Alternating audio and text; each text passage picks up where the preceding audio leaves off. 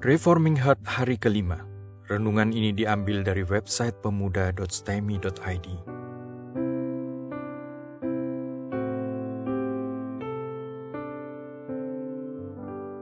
Tema renungan hari ini adalah Tuhan kembali berfirman. Mari kita membaca Alkitab dari 1 Samuel 3 ayat 1 sampai pasal 4 ayat 1a. Demikianlah firman Tuhan. Samuel terpanggil. Samuel yang muda itu menjadi pelayan Tuhan di bawah pengawasan Eli. Pada masa itu firman Tuhan jarang, penglihatan-penglihatan pun tidak sering. Pada suatu hari Eli yang matanya mulai kabur dan tidak dapat melihat dengan baik, sedang berbaring di tempat tidurnya. Lampu rumah Allah belum lagi padam. Samuel telah tidur di dalam bait suci Tuhan, tempat tabut Allah. Lalu Tuhan memanggil, Samuel, Samuel. Dan ia menjawab, Ya Bapa. Lalu berlarilah ia kepada Eli serta katanya, Ya Bapa, bukankah Bapa memanggil aku? Tetapi Eli berkata, Aku tidak memanggil, tidurlah kembali. Lalu pergilah ia tidur. Dan Tuhan memanggil Samuel sekali lagi. Samuel pun bangunlah, lalu pergi mendapatkan Eli serta berkata, Ya Bapa, bukankah Bapa memanggil aku? Tetapi Eli berkata, Aku tidak memanggil anakku, tidurlah kembali. Samuel belum mengenal Tuhan, firman Tuhan belum pernah dinyatakan kepadanya, dan Tuhan memanggil Samuel sekali lagi untuk ketiga kalinya. Ia pun bangunlah lalu pergi mendapatkan Eli serta katanya, Ya Bapa, bukankah Bapa memanggil aku? Lalu mengertilah Eli bahwa Tuhanlah yang memanggil anak itu. Sebab itu berkatalah Eli kepada Samuel, Pergilah tidur, dan apabila ia memanggil engkau, katakanlah, Berbicaralah Tuhan, sebab hambamu ini mendengar. Maka pergilah Samuel dan tidurlah ia di tempat tidurnya. Lalu datanglah Tuhan berdiri di sana dan memanggil seperti yang sudah-sudah. Samuel, Samuel. Dan Samuel menjawab, berbicaralah, sebab hambamu ini mendengar. Lalu berfirmanlah Tuhan kepada Samuel, ketahuilah, aku akan melakukan sesuatu di Israel, sehingga setiap orang yang mendengarnya akan bising kedua telinganya. Pada waktu itu aku akan menepati kepada Eli segala yang telah kufirmankan tentang keluarganya, dari mula sampai akhir. Sebab telah kuberitahukan kepadanya bahwa aku akan menghukum keluarganya untuk selamanya karena dosa yang telah diketahuinya, yakni bahwa anak-anaknya telah menghujat Allah, tetapi ia tidak memarahi mereka. Sebab itu aku telah bersumpah kepada Eli bahwa dosa keluarga Eli takkan dihapuskan dengan korban sembelihan ataupun dengan korban sajian untuk selamanya. Samuel tidur sampai pagi. Kemudian dibukanya pintu rumah Tuhan. Samuel segan memberitahukan penglihatan itu kepada Eli. Tetapi Eli memanggil Samuel katanya, Samuel anakku. Jawab Samuel, Ya Bapa. Kata Eli, apa yang telah disampaikannya kepadamu? Janganlah kau sembunyikan kepadaku. Kiranya beginilah Allah menghukum engkau, bahkan lebih lagi daripada itu, jika engkau menyembunyikan sepatah kata pun kepadaku daripada apa yang disampaikannya kepadamu itu. Lalu Samuel memberitahukan semua itu kepadanya dengan tidak menyembunyikan sesuatu pun. Kemudian Eli berkata, Dia Tuhan, biarlah diperbuatnya apa yang dipandangnya baik. Dan Samuel makin besar dan Tuhan menyertai dia dan tidak ada satu pun dari firmannya itu yang dibiarkannya gugur. Maka taulah seluruh Israel dari Dan sampai Beersheba bahwa kepada Samuel telah dipercayakan jabatan Nabi Tuhan. Dan Tuhan selanjutnya menampakkan diri di Silo, sebab ia menyatakan diri di Silo kepada Samuel dengan perantaraan firman-Nya. Dan perkataan Samuel sampai ke seluruh Israel. Mari kita merenungkan. Ayat 1 dan ayat 7 menyatakan hal yang sangat menyedihkan. Firman Tuhan jarang diberikan oleh Tuhan. Dan bahkan Samuel seorang yang tinggal di rumah Allah belum mengenal Tuhan dan firman-Nya. Tuhan sedang menarik firman-Nya dari Israel. Sadarkah mereka? Sadarkah umat Tuhan kalau anugerah yang sangat besar itu sedang ditarik oleh Tuhan? Kebanyakan pasti tidak sadar. Orang yang tidak merasa perlu firman Tuhan tidak akan pernah tahu betapa ruginya mereka jika Tuhan menarik firman-Nya. Banyak orang Kristen hanya senang dihibur, bukan senang mendengar firman Tuhan. Ketika hamba Tuhan berkhotbah, mengeksposisikan firman, mereka tidak merasa perlu, tetapi mereka tidak sadar kalau firman Tuhan adalah anugerah Tuhan yang diberikan secara khusus bagi umatnya. Tuhan rela menyatakan dirinya dan menyatakan firman-Nya hanya kepada umatnya. Seperti dua orang yang akrab pasti akan sering berbincang. Tetapi kalau relasi dua orang itu sudah jelek, maka mereka akan melakukan aksi tutup mulut. Tuhan sedang menghukum Israel dengan menarik anugerah firman-Nya. Betapa sengsaranya manusia bila dia harus hidup tanpa bimbingan firman Tuhan. Tanpa firman, manusia tidak akan mengenal siapa Allah. Tanpa mengenal Allah, manusia tidak akan mengenal diri dan dunia ini. Karena baik diri manusia maupun dunia ini diciptakan oleh Allah. Tanpa mengenal diri dan dunia, manusia tidak akan mengenal makna hidup. Tanpa mengenal makna hidup, manusia akan mengejar kesia-siaan seumur hidup mereka. Tanpa mengenal Allah, manusia juga tidak akan mengenal standar kebenaran dan kebaikan yang mutlak. Tanpa mengenal standar kebenaran dan kebaikan yang mutlak, manusia akan hidup dengan moralitas yang makin rusak dan kekejaman yang makin besar. Kenajisan hidup manusia berdosa bermula dari penolakan menyembah Allah dan kegagalan mengenal Dia dengan hormat dan tunduk. Mari kita melihat Roma 1 ayat 18 sampai 32. Demikianlah firman Tuhan. Sebab murka Allah nyata dari sorga atas segala kefasikan dan kelaliman manusia, yang menindas kebenaran dengan kelaliman, karena apa yang dapat mereka ketahui tentang Allah nyata bagi mereka, sebab Allah telah menyatakan kepada mereka. Sebab apa yang tidak nampak daripadanya, yaitu kekuatannya yang kekal dan keilahiannya, dapat nampak kepada pikiran dari karyanya sejak dunia diciptakan. Sehingga mereka tidak dapat berdalih. Sebab sekalipun mereka mengenal Allah, mereka tidak memuliakan dia sebagai Allah atau mengucap syukur kepadanya. Sebaliknya pikiran mereka menjadi sia-sia dan hati mereka yang bodoh menjadi gelap. Mereka berbuat seolah-olah mereka penuh hikmat, tetapi mereka telah menjadi bodoh. Mereka menggantikan kemuliaan Allah yang tidak fana dengan gambaran yang mirip dengan manusia yang fana, burung-burung, binatang-binatang yang berkaki empat, atau binatang-binatang yang menjalar. Karena itu Allah menyerahkan mereka kepada keinginan hati mereka akan kecemaran, sehingga mereka saling mencemarkan tubuh mereka, sebab mereka menggantikan kebenaran Allah dengan dusta dan memuja dan menyembah makhluk dengan melupakan penciptanya yang harus dipuji selama-lamanya. Amin. Karena itu Allah menyerahkan mereka kepada hawa nafsu yang memalukan, Sebab istri-istri mereka menggantikan persetubuhan yang wajar dengan yang tidak wajar.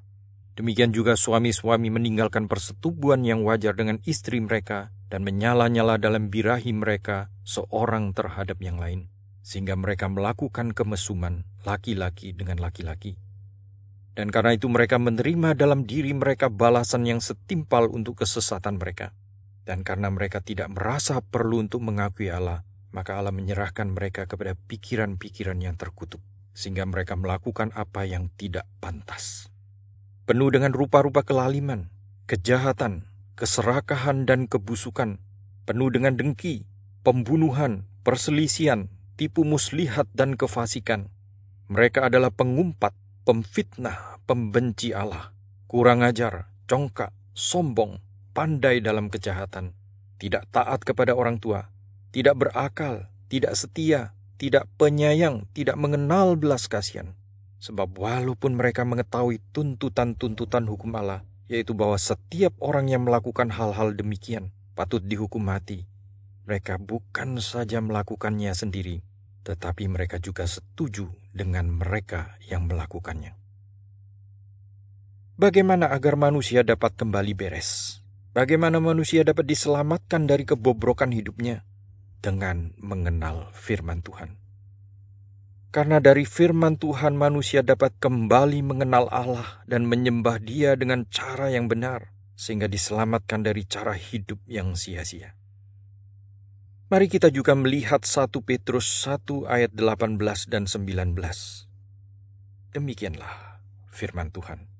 Sebab kamu tahu bahwa kamu telah ditebus dari cara hidupmu yang sia-sia yang kamu warisi dari nenek moyangmu itu bukan dengan barang yang fana, bukan pula dengan perak atau emas, melainkan dengan darah yang mahal, yaitu darah Kristus yang sama seperti darah anak domba yang tak bernoda dan tak bercacat.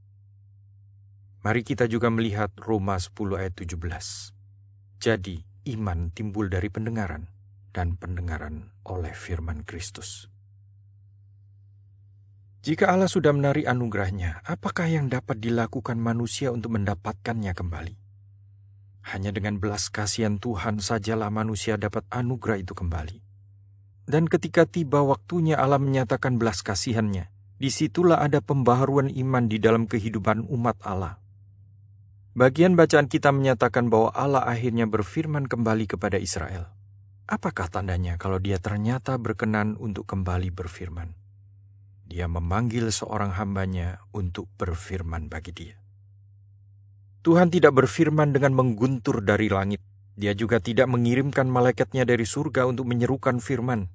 Dia memanggil manusia berdosa yang ditebus dan dikhususkan olehnya untuk menyampaikan firman-Nya. Yohanes Calvin dalam bukunya Institute of Christian Religion menyatakan bahwa Tuhan memakai manusia untuk menyampaikan firman-Nya supaya jemaat Tuhan belajar rendah hati dalam mendengarkan Dia. Sebab jika seorang manusia menyampaikan firman, kita akan tergoda untuk berkata di dalam hati, "Ah, siapa sih orang ini? Sudah kuliah di mana? Ilmunya sudah sedalam apa? Pengalaman hidupnya sudah sebanyak apa? Mengapa saya harus mendengar dia?" Tetapi sebenarnya Tuhan memakai seorang manusia agar kita berkata dalam hati, Wah, dia kan seorang manusia berdosa yang ditebus sama seperti saya.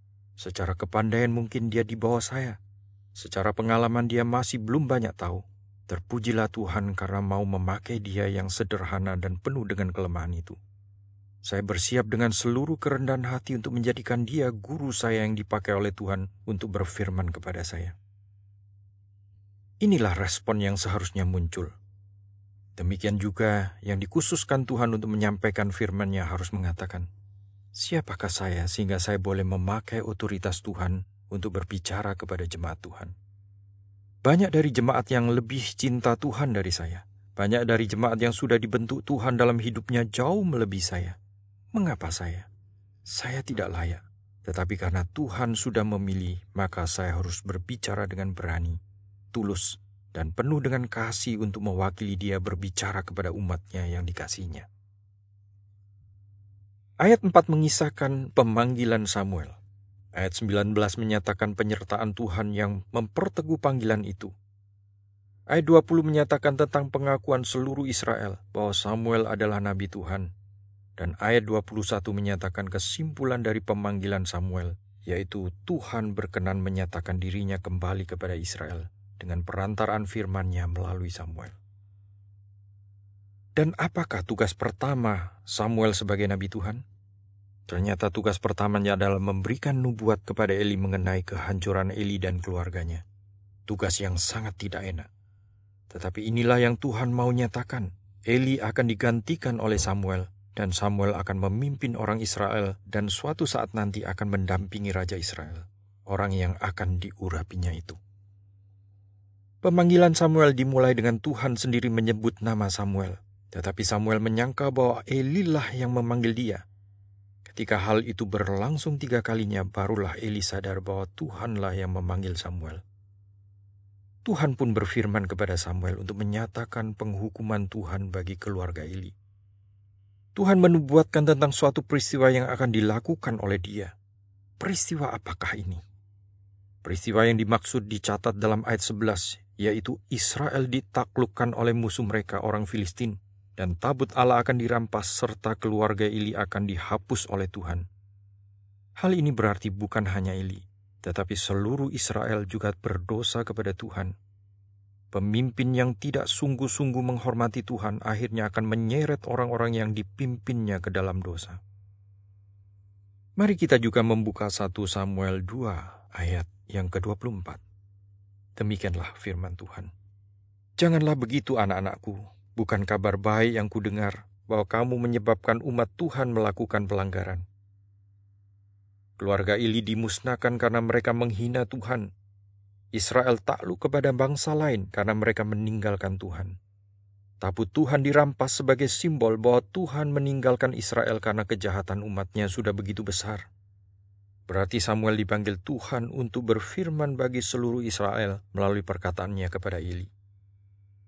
Mari kita bersama-sama merenungkan firman hari ini yang mengarahkan hati kita untuk diubah oleh Tuhan dengan memikirkan dua hal sebagai berikut.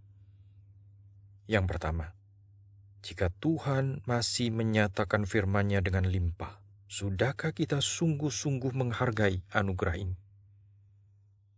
Sudahkah kita punya kerinduan yang besar untuk belajar firman Tuhan, untuk mendengarkan firman Tuhan, dan untuk dikoreksi serta dipimpin oleh firman Tuhan? Sudahkah kita dengan tekun mempelajari firman-Nya? Sudahkah kita dengan rendah hati mendengarkan orang-orang yang tidak layak tapi yang telah Tuhan angkat menjadi hamba-hambanya untuk menyampaikan firman-Nya? Yang kedua, jika kesabaran Tuhan sudah habis, maka dia akan menghukum segala bentuk kecemaran dan pemberontakan. Sampai kapankah kita mau terus cemar dan memberontak?